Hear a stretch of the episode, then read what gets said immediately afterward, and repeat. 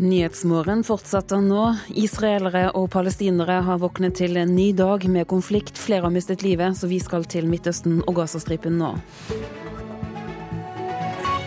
I Nyhetsmorgenstudio i dag, Turi Grønbekk, og det er slik at minst seks personer er drept i nye angrep på Gazastripen.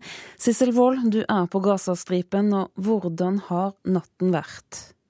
Ja, Vi har hørt mye tunge drønn gjennom hele natten. Eh, det virker som om eh, den israelske hæren bomber mest eh, når det er mørkt, mellom tre og fem om natten. BBC melder at rundt 90 palestinere er drept nå. 600 palestinere er skadd. Unicef sier at 19 av disse palestinerne er barn. Det er jo ikke noe tvil om at skytset som går ut. altså Israelerne melder om at 365 raketter har gått inn i Israel. Men skytset som kommer tilbake, er jo langt mer dødelig. Og I morgentimene i dag så hører vi nå om at et område nord i Israel er truffet av et prosjektil skutt ut fra Libanon. Hvor alvorlig er det? Ja, Det er byen Metulla, som ligger rett på grensen mellom Nord-Israel og Libanon. Eh, det er ikke helt bekreftet etter det jeg ser hvem som har skutt denne raketten, men hvis det er Hizbollah, så vet de veldig godt at eh, dersom de angriper Israel, så mener eh, Israel at det er legitimt å angripe hele Libanon.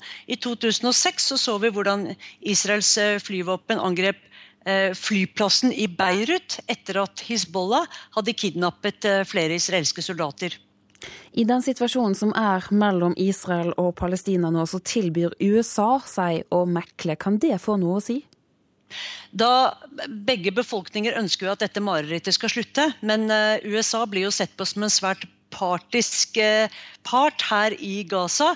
Og jeg snakket med en talskvinne for denne nye palestinske samlingsregjeringen i går, og hun sa jo at hele verden sitter med åpne øyne og ser på hva Israel nå gjør mot Gaza, for dette er jo en veldig eh, eh, altså, Angrepene her er jo mye mer dødelige enn angrepene mot den andre siden. Eh, sånn at om USA skal prøve å forhandle, så må jo Hamas få noe.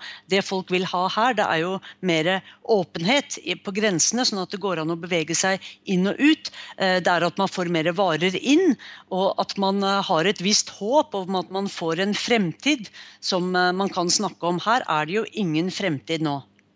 Slik det er nå, så går eh, Verdens helseorganisasjon ut og sier at helsevesenet er i ferd med å kollapse. Hva slags hjelp får palestinerne? Ja, Vi hører at det ikke kommer noe særlig hjelp inn. Vi var på et sykehus i går, Al-Shifa-sykehuset. De sa at de mangler masse. Legene mangler hansker f.eks. Eh, hvis dette skal fortsette, så vet de ikke hvordan det skal gå. De prøver nå å få eh, pasienter inn til Egypt, sånn at de kan få hjelp der. For det er ikke nok kapasitet her. Alle minibankene er stengt f.eks., så det går jo ikke an å få kontanter her. Eh, I går så skulle vi spise var det kylling, og de hadde ikke, hadde ikke nok kylling. Altså, det er mangel på veldig veldig mye, men samfunnet går jo rundt. Man overlever jo eh, stort sett. Eh, men det er også store sivile tap her, og det må vi ikke glemme. Store sivile tap. Sissel Wold, takk skal du ha. Karin Abraham, velkommen til studio. Du er journalist, forfatter, forsker, og så har du bodd og studert i Israel. Og Vi hører altså at det kommer meldinger om at krefter i Libanon har skutt for, mot Israel. Hva tror du at det kan ha å si for konflikten? Det høres jo veldig eh, skummelt ut eh, om, man, om, man, skal begynne å få en front eh, i nord også, og flere eh, grupper skal blandes inn i konflikten. Det skorter jo ikke på konflikter i det området her eh, allerede. Ehm, derfor så syns jeg også at det skulle vært overraskende om Hizbollah eh, har begynt å skyte mot Israel, i og med at de er ganske opptatt i Syria med sin front der. Så. Så er det en hovedkonflikt da mellom Israel og Palestina. Hvordan reagerer du på det som skjer inn nå? Det er jo veldig eh, eh, trist at det skjer, eh, men det er kanskje ikke så overraskende. Eh, jeg vet ikke, man, man, snakker om at Hamas på en måte har blitt litt sånn um, marginalisert fra alle kanter, da, i og med, med Eh, regjeringsskifte eh, i, vekk fra muslimbrødrene i, eh, i Egypt. og at de på en måte og ja, at de ikke, kanskje ikke har fått de posisjonene som de har ønska i den nye palestinske samlingsregjeringa heller. da. noen analytikere som vil kalle det her for et slags sånn rop om, om oppmerksomhet. Da. At, at, de har begynt å skutt begynt plutselig å skyte ganske mange raketter mot Israel. Og, og, Israel, hvorfor gjør de som de gjør?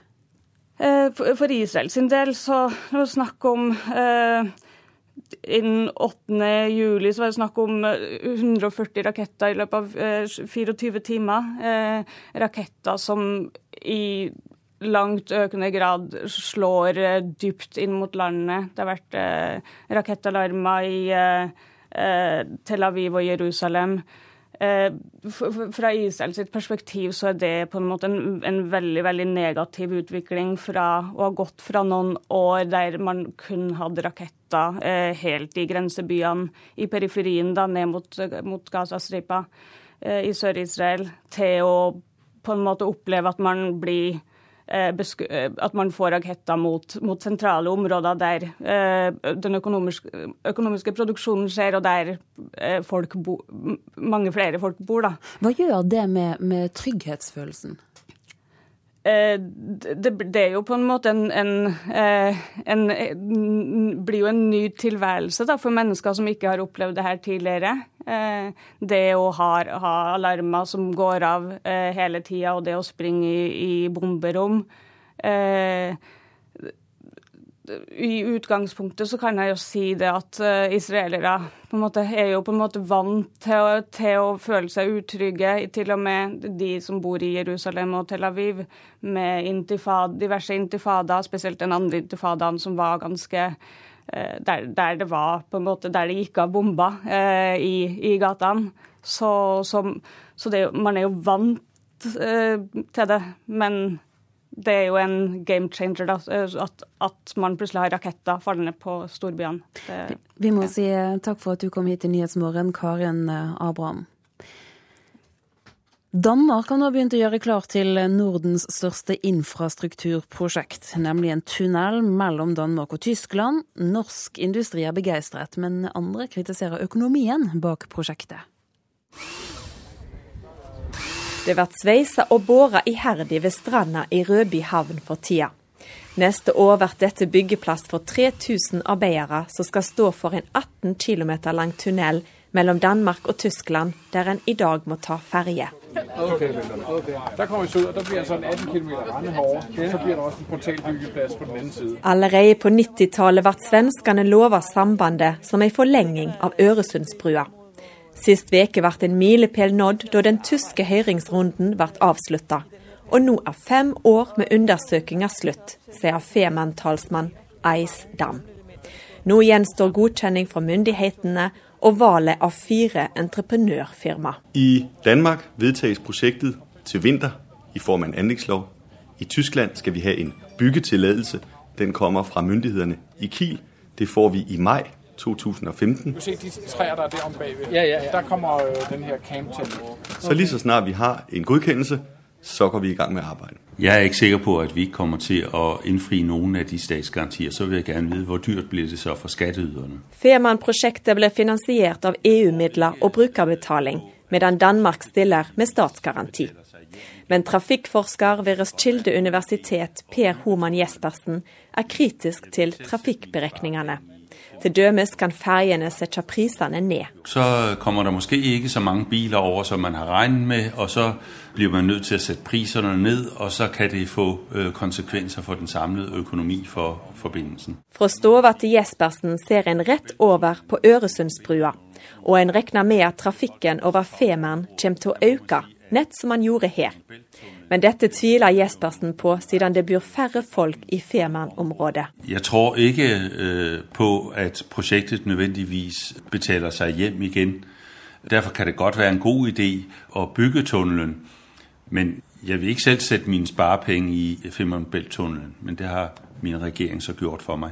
Men Dam garanterer at ikke en eneste dansk skattekrone vil bli nødvendig. Det kommer ikke til å koste de danske skatteytere én krone, det her prosjektet. Vi er fullstendig overbevist om at prosjektet nok skal betale seg tilbake. Togreisa fra Oslo til Hamburg vil bli to og en halv time kortere pga. Femern, fordi den danske og tyske togbanen vil bli oppgradert som del av et større EU-prosjekt.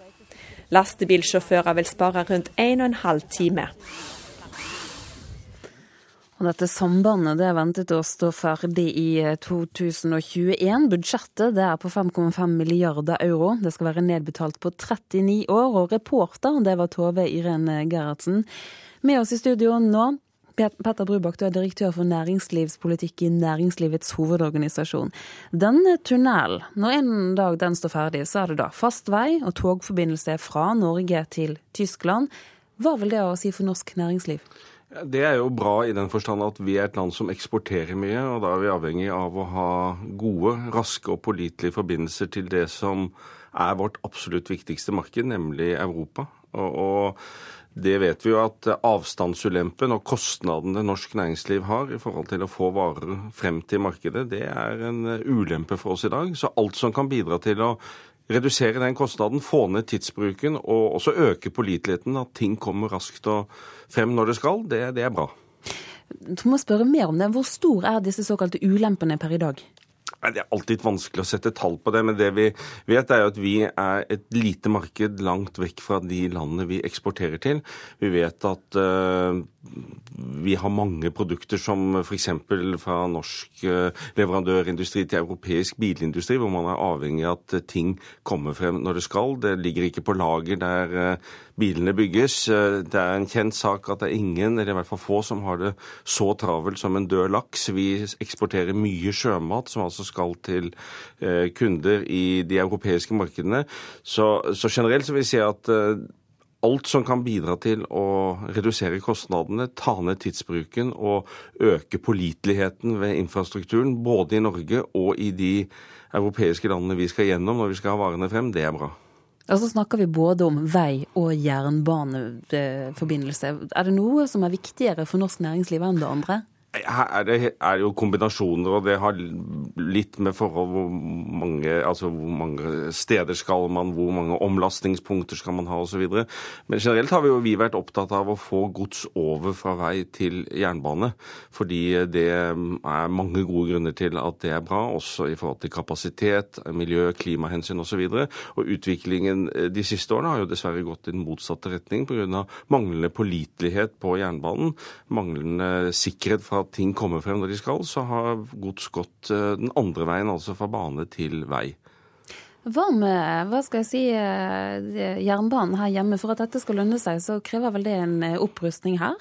Ja, det er helt klart. Og det er jo et viktig prioritert prosjekt for norske bedrifter. er jo å få bedre jernbane. Og vi har jo spesielt tatt frem eh, såkalte intercity-triangelet på Østlandet som et veldig viktig prosjekt. Og en del av det prosjektet vil jo være jernbanen fra Oslo og sørover gjennom Østfold og inn i Sverige. Eh, hvor man etter hvert kobler seg på det europeiske jernbanenettet.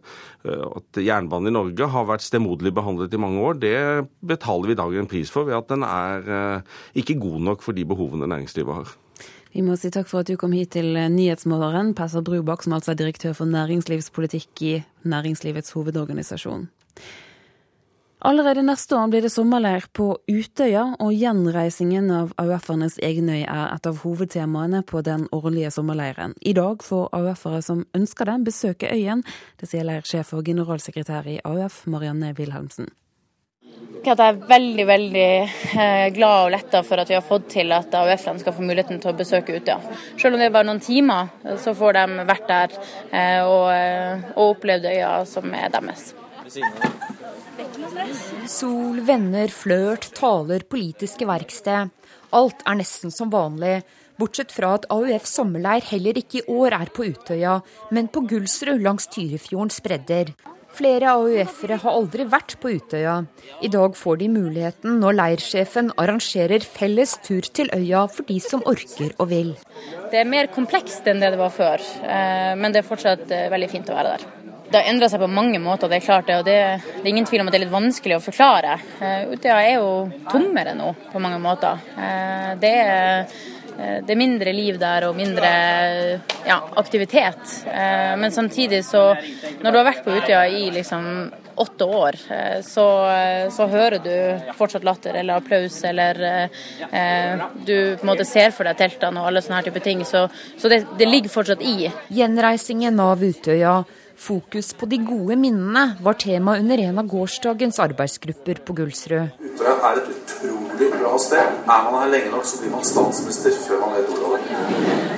I år var han kun med i et videoopptak fra 2008, tidligere AUF-leder Jens Stoltenberg. Har du, eh, har du gått på kjærestien? Ja. Har du klint på Utøya? Det tror jeg får bli en hemmelighet. Det er snart tre år siden skrekkens dag på Utøya.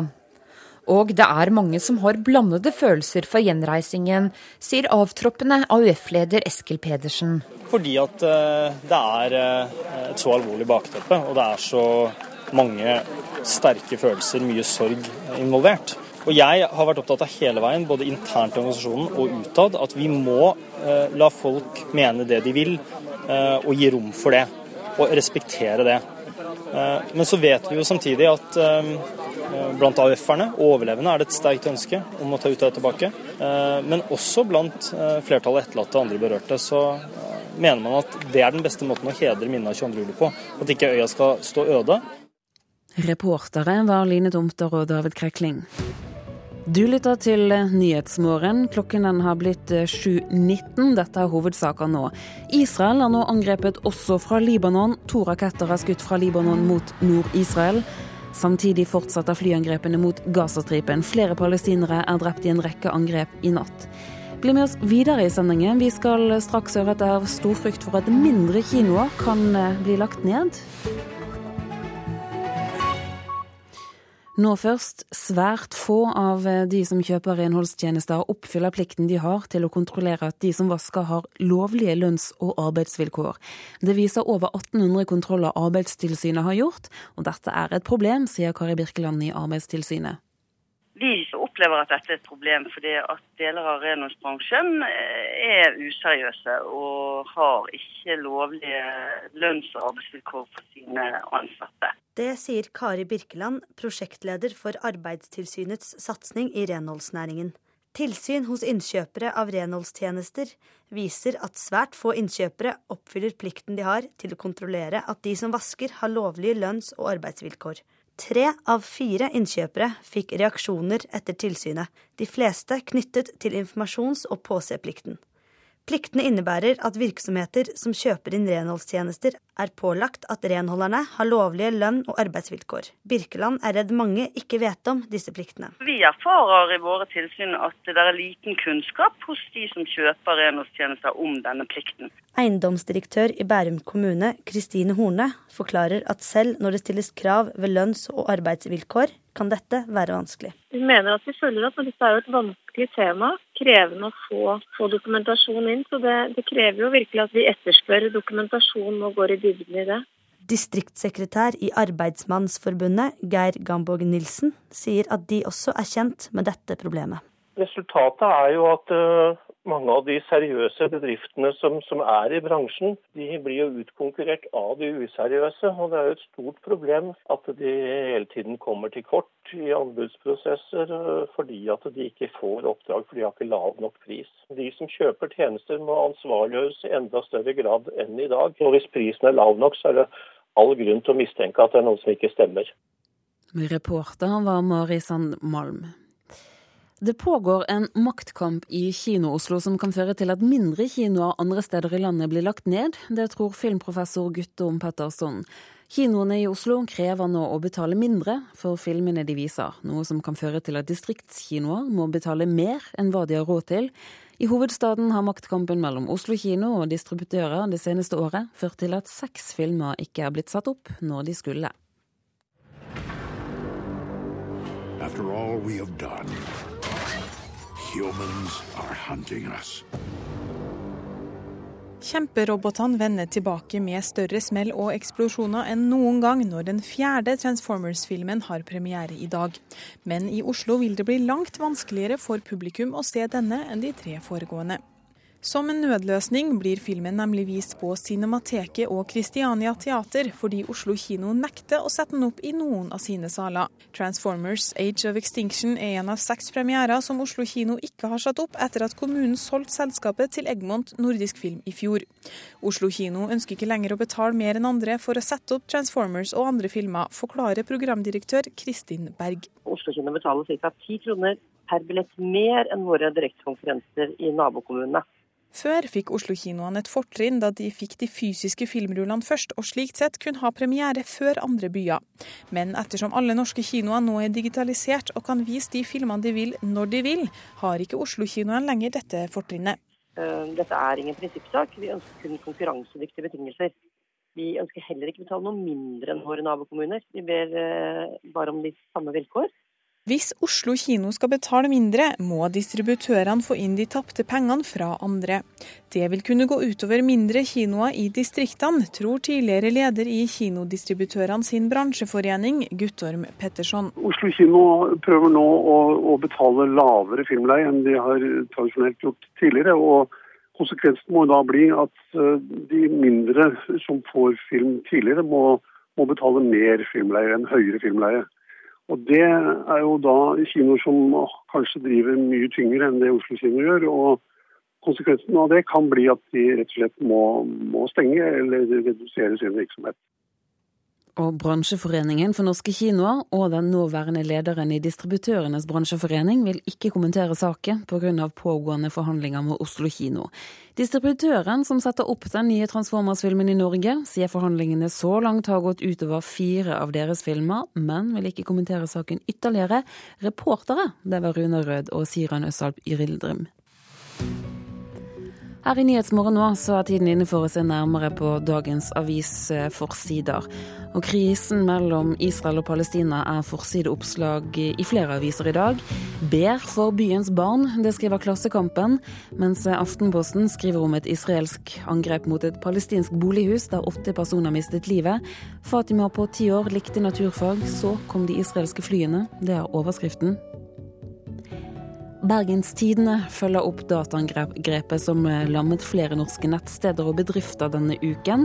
For i går viste det seg at det var en 17-åring fra Bergen som sto bak det massive angrepet. Politiet tror 17-åringen skulle starte et nytt angrep, og han ble pågrepet hjemme hos familien. Selina Middelfart tjente 114 millioner kroner i fjor og hadde et gullår. Det skriver Finansavisen på sin forside. Statsminister Erna Solberg er på forsiden av Dagbladet og sier at hun ikke lar seg skremme av gode målinger for Arbeiderpartiet og den såkalte Jonas-effekten. Unge Høyre er blåere enn Fremskrittspartiet. Det er overskriften i Dagsavisen. På forsiden av avisen er Unge Høyre-lederen, som bl.a. vil ha lengre arbeidsdager, og han vil fjerne fedrekvoten. Utenriksdepartementet får tusenvis av krisetelefoner på sommeren, og advarer nå mot ferietabber. Det gjør de på forsiden av VG. Og det er klassisk at nordmenn ringer når noe blir borte, eller at de blir frastjålet penger eller pass. Og så har Tromsø kommune rystet etter et utrykningslag på en brannstasjon. En kvinne som deltok på utrykningslaget falt ned brannstangen og brakk beinet på tre steder, og nå krever hun erstatning fra kommunen. Det skriver avisa Nordlys. I Trøndelag har det vært en firedobling i antall motorsykkelulykker. Det skriver Adresseavisen. Og så skriver Nasjonen at Statens vegvesen nå slutter å bruke sprøytemidler og skal klippe veikanten i stedet, og Naturvernforbundet jubler. Landbruksminister Sylvi Listhaug vil utrede om gårdsbruk kan produsere og selge sprit. I dag er det Vinmonopolet som har enerett på salg av sprit i Norge. Forslaget truer Vinmonopolets eksistens. Det sier Mina Gerhardsen fra paraplyorganisasjonen for rusfeltet, Aktis. Sverige har to ganger prøvd seg på å utrede den, det forslaget vår regjering gjør nå, men lagt bort ideen av frykt for at gårdssalg vil true Systembolaget. Og det er ingen grunn til å tro at dette vil se annerledes ut for Norge. Vår vinmonopolordning det er et unntak fra EUs vanlige regler blir konkurranse. Vi får lov til å ha det unntaket fordi vi begrunner folkehelsa. Den begrunnelsen faller dersom vi begynner å selge vin og sprit andre steder, og da kan også Vinmonopolet falle. Gårdsutsalg vil nok ha begrensa virkning på forbruket av alkohol i Norge, så hovedfrykten vår er at det vil eh, sette vinmonopolordningen i fare.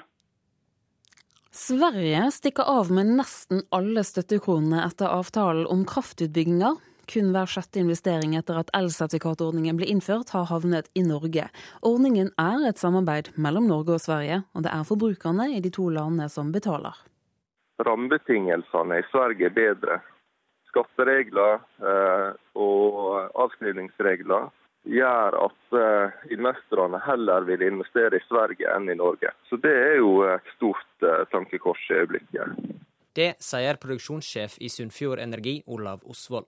Elsertifikatordninga kom i gang i 2012 etter ei avtale med Sverige om å øke produksjonen av grønn energi.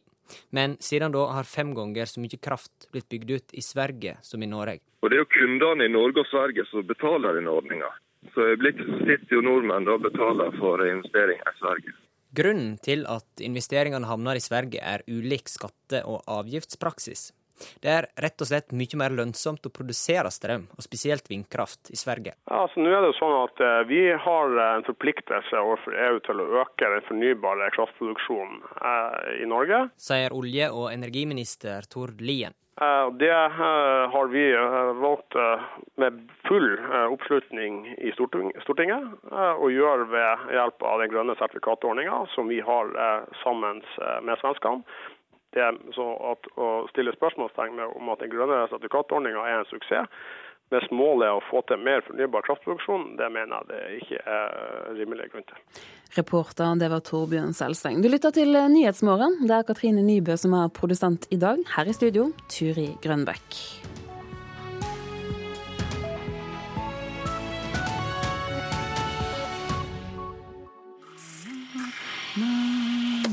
Hørte du det? Stemmen! Hva sier de lave stemmene på Jonas Berglunds båndopptaker? Åh. Selandrian har sprunget ut. Blomsten er blå. Har den underlige blå blomsten et eget liv? Blå, blå. Tordivelen flyr i skumringen. Søndager i sommer klokken 15 på NRK P2. Raketter fra Libanon er blitt skutt mot Israel nå i morgentimene. AUF-ere på sommerleir tror det blir både vondt og godt å besøke Utøya i dag. Og bøndene må få lov til å lage og selge sprit, det mener landbruksministeren. Her er NRK Dagsnytt, klokka er 7.30 at to raketter ble i dag tidlig skutt ut fra Libanon mot Israel. Det melder det nasjonale nyhetsbyrået i Libanon. Rakettene traff et område nord i landet, men ingen ble skadet. Samtidig øker dødstallene etter de israelske angrepene på Gaza.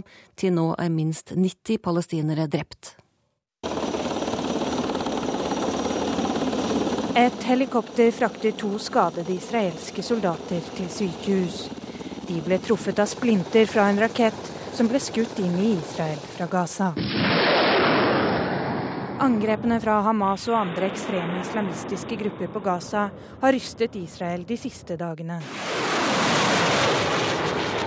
Rakettene når lenger enn tidligere og har truffet nær byer som Jerusalem, Tel Aviv og Haifa. Her går flyalarmen nå med jevne mellomrom.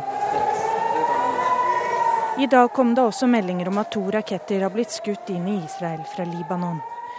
Rakettene gjorde ingen skader, men angrep fra nabolandene utgjør nå en ny trussel for de israelske områdene. Samtidig fortsetter Israel å bombe Gazastripen. Minst seks er drept i løpet av natten, og mange flere såret. Helsevesenet på Gaza sliter med å takle strømmen av sårede. Det er mangel på medisiner, drivstoff og utstyr, og ifølge Verdens helseorganisasjon er helsevesenet i ferd med å kollapse fullstendig. Det sa utenriksreporter Silje Herbro Landsverk. USA ønsker nå å mekle for å få til våpenhvile mellom Israel og Hamas. Det sier president Barack Obama. Tilbudet kom han med i en telefonsamtale med Israels statsminister Benjamin Netanyahu i går. Forholdet mellom Israels statsminister Netanyahu og USAs president er mildt sagt kjølig, men Obama skal i telefonsamtalen i går ha sagt at han forstår at Israel har rett til å forsvare seg, og han fordømte rakettangrepene fra Hamas. Han skrøt av Israels arrestasjon av seks jødiske ungdommer mistenkt for å ha brent en palestinsk 15-åring levende. Men det er ikke klart om det amerikanske initiativet fører fram. Under møtet om Israel-Palestina-konflikten i FNs sikkerhetsråd i går var det ingenting som tydet på at Israel så seg tjent med en våpenhvileavtale med Hamas nå. Groholm, New York. Og utenriksmedarbeider Sissel Wold, du er i Gaza. Hvordan har natten der vært? Ja, Vi har hørt eh, drønn gjennom hele natten. Det virker som det er eh, mest bombing mellom klokken tre og klokken fem om eh, morgenen i mørket. Nå er det rundt 90 palestinere som er blitt drept. Unicef melder at 19 av de drepte er barn. Ja, som vi nettopp hørte, så er Israel truffet av raketter fra Libanon, ifølge den israelske hæren. Hvor alvorlig er det? Hvis det er Hizbollah som står bak, så vet jo de at de kaster Libanon ut i en vanskelig situasjon. For da dette skjedde sist, da Hizbollah kidnappet flere israelske soldater i 2006, så angrep jo Israel hele Libanon og bombet eh, flyplassen. Eh, men det er ingen ennå, som jeg har sett, som har tatt på seg denne skylden. Så det er jo alvorlig hvis det eskaleres også i nord. Men eh, vi må følge med og se hvem som tar på seg skylden for dette. Og USA tilbyr seg nå å mekle. Hva kan det få å si? Da må USA snakke med Hamas, som USA ser på som en terrororganisasjon. Og Hamas ønsker jo å tilby noe til sitt folk. Det må være åpnere grenser. Man må få en fremtid å snakke om her. Dette problemet er politisk, det kan ikke løses militært. Netanyahu ønsker å ha status quo, men å okkupere palestinerne år etter år etter år og sperre befolkningen som i Gaza bak murer, det er jo ikke noe som kan fortsette år etter år etter år. Folk vil ha frihet og en mulighet for å se fremover i livene sine. Takk skal du ha, Sissel Wold i Gaza. Allerede neste år blir det sommerleir på Utøya. Gjenreising av AUF-ernes egen øy er et av hovedtemaene på den årlige sommerleiren, og i dag får de medlemmene som ønsker det, besøke øya. Det sier leirsjef og generalsekretær i AUF, Marianne Wilhelmsen. Jeg er veldig veldig eh, glad og letta for at vi har fått til at AUF-ene skal få muligheten til å besøke Utøya. Selv om det er bare noen timer, så får de vært der eh, og, eh, og opplevd øya som er deres. Sol, venner, flørt, taler, politiske verksted. Alt er nesten som vanlig, bortsett fra at AUF sommerleir heller ikke i år er på Utøya, men på Gullsrud langs Tyrifjordens bredder. Flere AUF-ere har aldri vært på Utøya. I dag får de muligheten når leirsjefen arrangerer felles tur til øya for de som orker og vil. Det er mer komplekst enn det det var før, eh, men det er fortsatt eh, veldig fint å være der. Det er snart tre år siden skrekkens dag på Utøya. Og det er mange som har blandede følelser for gjenreisingen, sier avtroppende AUF-leder Eskil Pedersen. Fordi at eh, det er eh, et så alvorlig bakteppe, og det er så mange sterke følelser, mye sorg involvert. Reportere Line Tomter og David Krekling. Vi skal høre at danskene har begynt å rigge til byggeplassen for å bygge tunnel mellom Danmark og Tyskland. Dette prosjektet, Femarnebelt, blir Nordens største i sitt slag. Norsk industri er begeistret, men andre kritiserer økonomien. Det blir sveisa og båra iherdig ved stranda i Rødby havn for tida. Neste år blir dette byggeplass for 3000 arbeidere som skal stå for en 18 km lang tunnel mellom Danmark og Tyskland, der en i dag må ta ferje. Og nå er fem år med undersøkelser slutt, sier Femern-talsmann Eis Dam. Så lige så snart vi har en godkjennelse, så går vi i gang med arbeidet. Trafikkforsker ved Roskilde universitet Per Homan Jespersen er kritisk til trafikkberegningene. Jeg vil ikke selv sette mine sparepenger i Femern Belt-tunnelen, men det har min regjering så gjort for meg. Men Dam garanterer at ikke ei eneste dansk skattekrone vil bli nødvendig. Det kommer ikke til å koste de danske skattyter én krone, det her prosjektet. Togreiser fra Oslo til Hamburg vil bli to og en halv time kortere pga. Femern, fordi den danske og tyske togbanen vil bli oppgradert som del av et større EU-prosjekt. Lastebilsjåfører vil spare rundt en og en halv time. Reporter var Tove Gerhardsen. Og alt som kan korte ned transporttiden fra Norge til Europa er bra for næringslivet. Det sier direktør for næringslivspolitikk i Næringslivets hovedorganisasjon, Petter Brubakk. Vi er et land som eksporterer mye, og da er vi avhengig av å ha gode, raske og pålitelige forbindelser til det som er vårt absolutt viktigste marked, nemlig Europa. Og, og Det vet vi jo at avstandsulempen og kostnadene norsk næringsliv har i forhold til å få varer frem til markedet, det er en ulempe for oss i dag. Og dette Femern-samarbeidet ventes å stå klart i 2021. Landbruksminister Sylvi Listhaug vil undersøke om gårdsbruk kan produsere og selge sprit. I dag har Vinmonopolet enerett på salg av sprit i Norge. Forslaget truer Vinmonopolets eksistens, det sier Mina Gerhardsen i Aktis. Sverige har to ganger prøvd seg på å utrede det forslaget vår regjering gjør nå, men lagt bort ideen av frykt for at gårdssalg vil true Systembolaget. Landbruks- og matminister Sylvi Listhaug får nå utredet en ny type gårdsutsalg av sprit, ifølge avisa Vårt Land. I 2010 gjorde svenskene samme utredning, men skrinla forslaget i 2012 for at ikke alkoholmonopolet skulle forsvinne.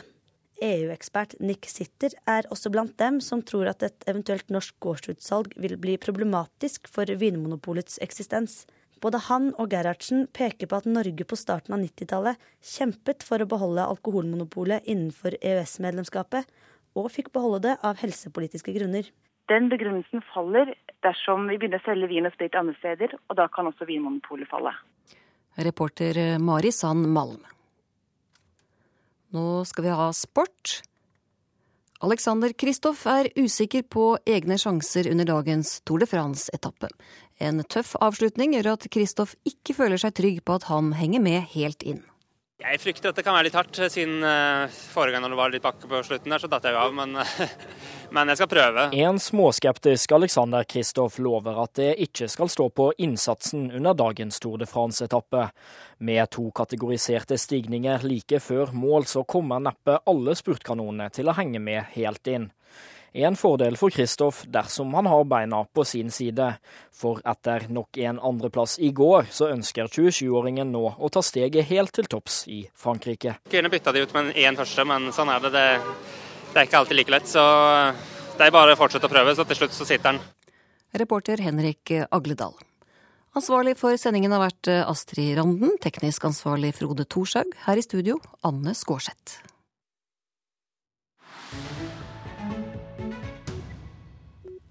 Du lytter til Nyhetsmorgen. Det skal handle om fotball-VM nå. VM det nærmer seg slutten, det er to kamper igjen. Spørsmålet er hva vi kommer til å huske. Spill, sjanser eller det andre sider ved et slikt mesterskap som fester seg. Med andre ord, lærer vi noe mer av å følge med på VM enn litt pussig statistikk og ubegripelig fotballuttrykk? Um, well, I think the two most impressive sides were,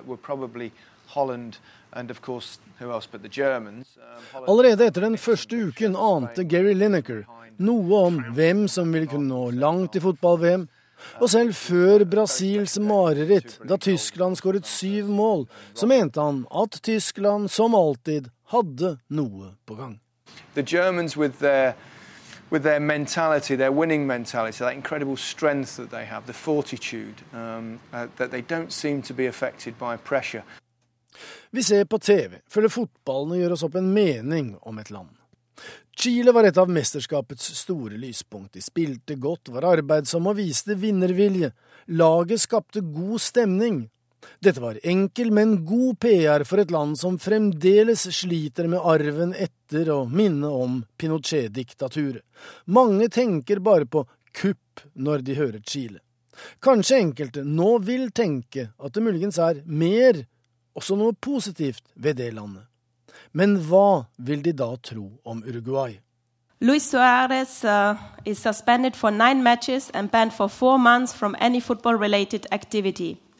Mange vet i utgangspunktet svært lite om Uruguay. Men i årevis nå så vil man huske at Suárez bet en motspiller. Suárez er fra Uruguay. Kanskje vil noen assosiere Uruguay med biting i fremtiden. Blodig urettferdig, unnskyld uttrykket, men det er slik klisjeer oppstår, det er slik vi får fordommer, og de blir ofte sittende. På søndag spiller Tyskland og Argentina finale. Musikalsk er det tango mot hornmusikk.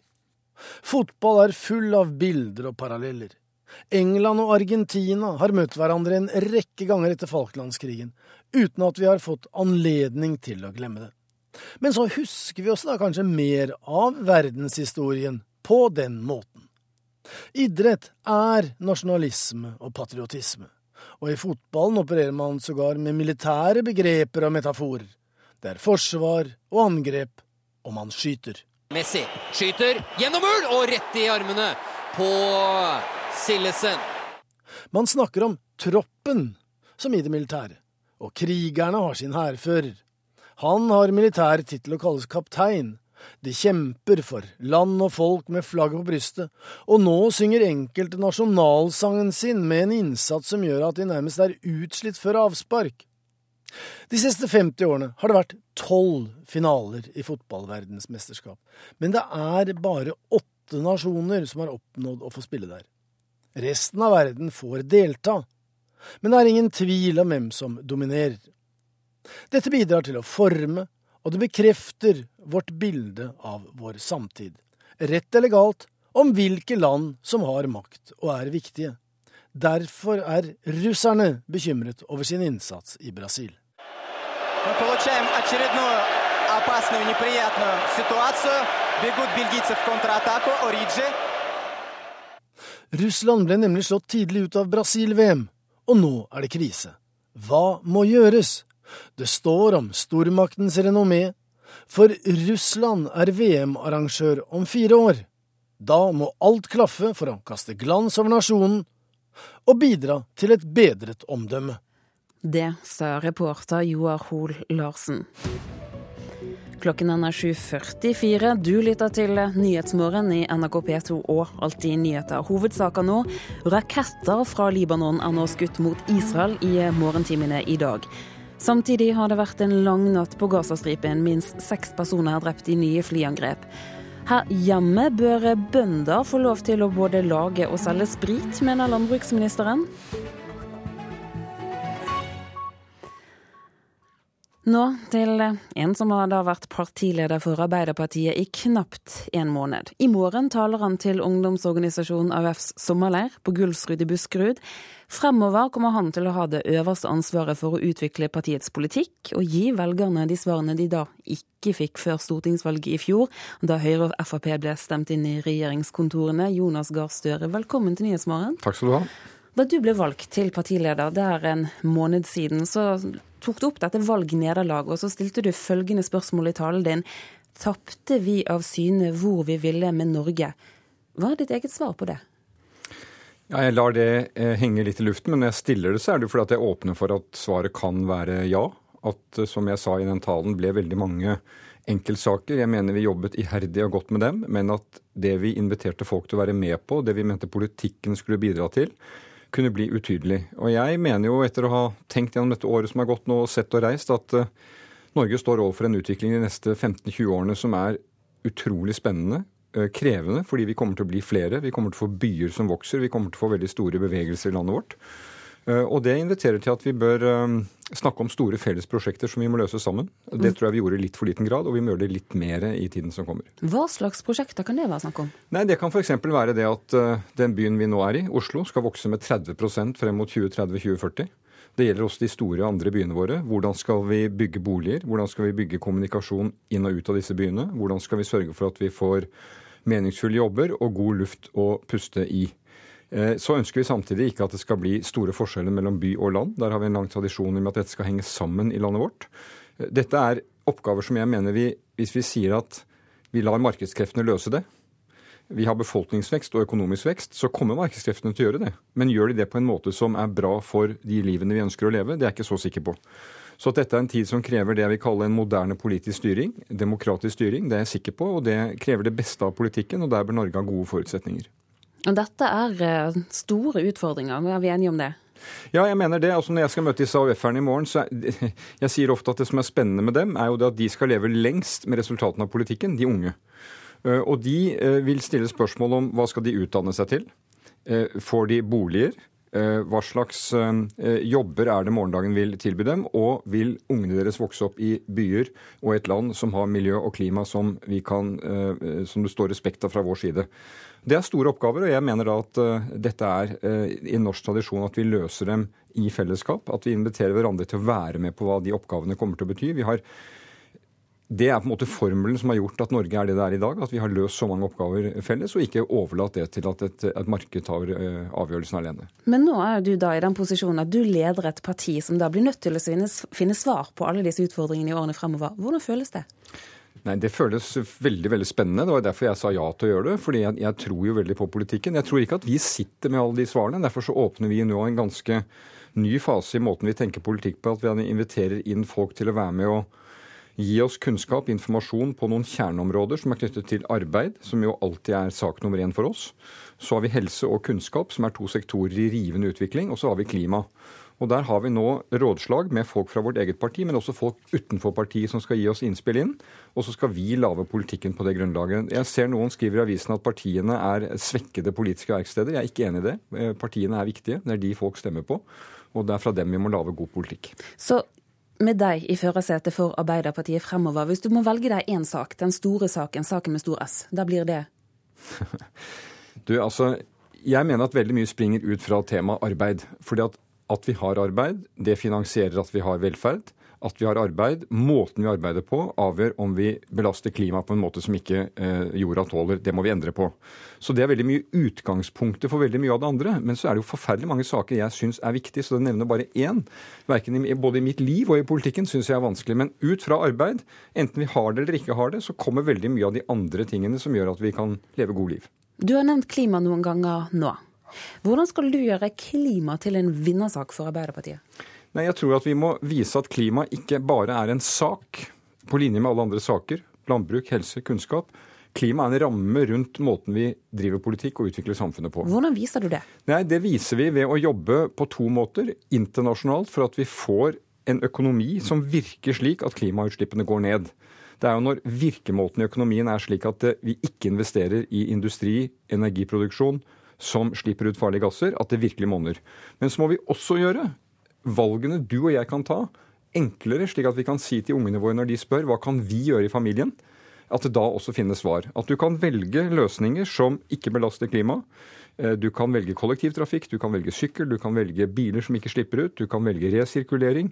Du kan bygge huset ditt på en måte som også ikke eh, belaster klimaet. Tvert imot, det kan også gi energi. Og Dette er en lang rekke små og store beslutninger som vi fra politikkens side må være med på å stimulere og gi drahjelp til. Og så er det, eller I hvilken grad er det en utfordring at klimatiltak kan virke negativt på hva kan jeg si, antall arbeidsplasser i industrien? Ja, det er, altså jeg tror at det, det, kommer til å være noen tøffe valg. Det er ikke noe tvil om det. Men jeg tror vi må litt bort fra den diskusjonen at det enten er arbeid eller klima. For det er ikke slik? Det behøver ikke være slik. Eh, det er nemlig slik at teknologien vi kan utvikle gjennom måten vi arbeider på, måten vi forsker på, måten vi bringer kunnskap fram på, skal gi de nye jobbene, og det gjør de allerede. De sektorene som slipper ut klimagasser, de må vi få ned klimagassutslippene fra. Det klarer vi i Norge, og det kan vi klare mer av. Måten vi bygger hus på, som jeg snakket om, kan gjøres på en måte som kan bli store eksportartikler for oss. Så vi må ikke se dette på som utelukkende en, en negativ sak. Så Arbeiderpartiet kan da bli partiet som får industrien til å tenke nytt rundt klima?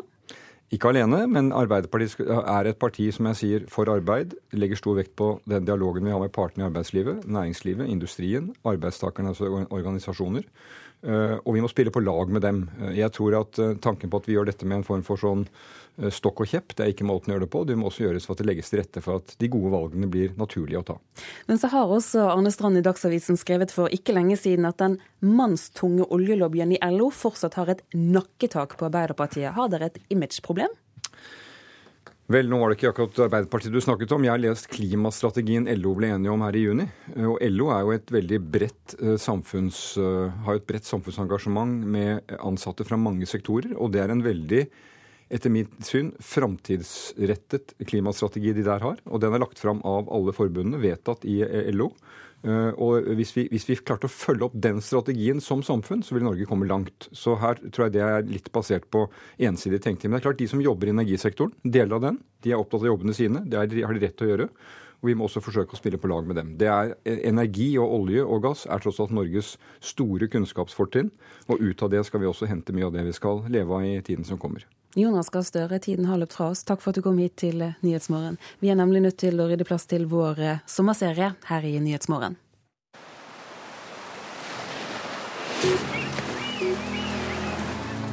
Sommerserien i Nyhetsmorgen. Navn? Iselin Nybø. Yrke? Jeg er stortingsrepresentant fra Rogaland og Venstre, og jeg sitter i kirke-, utdanning- og forskningskomiteen. Hva skal du gjøre i sommerferien? Først så skal jeg ei uke på språkkurs i Frankrike. Eh, så skal jeg være litt i Frankrike òg etterpå for å se om språkkurset har virka. Så skal jeg to uker i, til Nord-Norge og plukke molter og gå i fjellet. Og så skal jeg på motorsykkeltur med faren min til Nord-Tyskland. Kjører du motorsykkel selv? Nei, eh, vi har en sånn arbeidsfordeling meg og far at han er sjåfør og jeg er reiseleder som sitter bakpå. Synes du det er trygt å kjøre motorsykkel? Jeg synes det er veldig trygt å sitte bakpå når det er far som kjører. Hvem som du ikke kjenner fra før, vil du delt en kurv jordbær med? Åh, ja, nei, I disse fotballtider så er det jo fristende å si at jeg ville delt ei korg jordbær med Viking sin trener eh, Kjell Jonevre. For eh, der som jeg har sesongkort i som jeg sitter med, da, vi, vi, er veldig opptatt av det om vi kunne få en, få en spiss. Eh, og så er vi òg veldig opptatt av det med Jan Erik Delanlé, at vi får beholde han. Eh, vi skjønner jo at han vil ut i større ligaer, men eh, han gjør fotball kjekt å se på, så vi vil gjerne beholde han så lenge som mulig. Bør det bli lov å ta seg en øl eller et glass vin i parken? Ja, jeg syns eh, det må være greit når man sitter og koser seg i finværet og ta, ta seg en øl eller eh, et glass vin. Det må være, det må være greit. Hva med hasj? Bør det legaliseres? Jeg mener ikke vi skal ha fokus på legalisering av hasj. Jeg mener vi har store utfordringer i narkotikapolitikken. Eh, og da syns jeg vi skal snakke om de som er tunge narkomane, de som har behov for eh, mer hjelp av samfunnet, de som eh, trenger plass å bo, de som trenger hjelp på andre måter. Og det er det som må være fokuset vårt i, i narkotikapolitikken. Så det var et nei? Ja. Gir du til tiggere? Eh, jeg gir ikke til tiggere, men jeg vil forsvare deres rett til å sitte på, på et gatehjørne med en kopp foran seg og be om hjelp. Og jeg vil forsvare de som ønsker å gi sin rett til å, til å faktisk stappe noen penger oppi den koppen. Men hvorfor gir ikke du til tiggere? Nei, jeg har ikke noen veldig dyp begrunnelse for det. Det er bare, det er bare et valg jeg har tatt. Synes du statsminister Erna Solberg tjener for lite? Jeg syns eh, statsministeren vår, enten det nå er Erna Solberg eller som det var Jens Stoltenberg, er verdt hver krone, og jeg ville ikke reagert hvis de tjente noe mer. Kjører du elbil? Eh, det gjør jeg ikke. Jeg kjører en eh, hybrid, en Toyota Prius. Vil du ha OL i Oslo i 2022? Og Det er et litt sånn vanskelig spørsmål, så her kommer det et litt kjedelig politikersvar. Eh, det er noe jeg må ta stilling til hvis og når regjeringen leverer en sak til Stortinget. Kunne du sendt dine barn på privatskole? Eh, hvis jeg hadde hatt noen unger, så ville jeg valgt den offentlige skolen eh, for deg. Hvorfor det? Nei, jeg syns eh, den offentlige skolen er en god skole, og det tiltaler meg. Det som vi får i den offentlige skolen, der får vi, eh, der får vi mangfoldet. Der får vi alle elever møtes. Der har hver enkelt mulighet til å utvikle sine evner. Så syns jeg det er greit at andre velger noe annet, men jeg ville valgt offentlig skole for mine unger. Bør Norge fortsatt være monarki, eller bør vi bli republikk? Nei, Jeg eh, er jo av den eh, prinsipielle holdning at eh, makt og posisjoner det bør ikke gå i arv. Så prinsipielt så mener jeg republikk. Så er det jo sånn eh, i Norge at vi har et helt fantastisk kongepar som, som, gjør en god figur og representerer oss på en god måte både internt og, og i utlandet. Så, så, sånn sett så ser jeg ikke noe sånn presserende behov. Men prinsipielt så mener jeg at eh, posisjoner og makt ikke skal gå i arv. Det er greit å være prinsippløs av og til? Jeg syns eh, det er viktig å alltid ha fokus på prinsippene sine, men så er det noe med å velge sine kamper med omhu. Eh, og sånn sett så føler jeg ikke det er dette folket på en måte krever en endring eh, på akkurat nå. Hvis du fikk all makt i Norge i én dag, kan du nevne én ting du ville endret permanent? Åh, Hvis jeg hadde en hel dag på meg, så ville jeg jo gjort så mye som mulig. Men jeg, siden jeg sitter i kirke-, utdanning- og forskningskomiteen, så er jeg veldig opptatt av kunnskap og kompetanse. Og jeg tenker at hvis jeg hadde en dag, så ville jeg brukt all min tid på å sørge for at vi får at alle de ikke-kvalifiserte lærerne eh, som jobber i skolen i dag, eh, fikk, eh, fikk, en plan som gjorde at de ble kvalifiserte for de fagene de skulle jobbe, jobbe med. Og så vil jeg sørge for at eh, lærerne våre fikk videre- og etterutdanning, sånn at vi hadde toppmotiverte eh, lærere. Da får du ha en riktig god sommer. Takk likeså.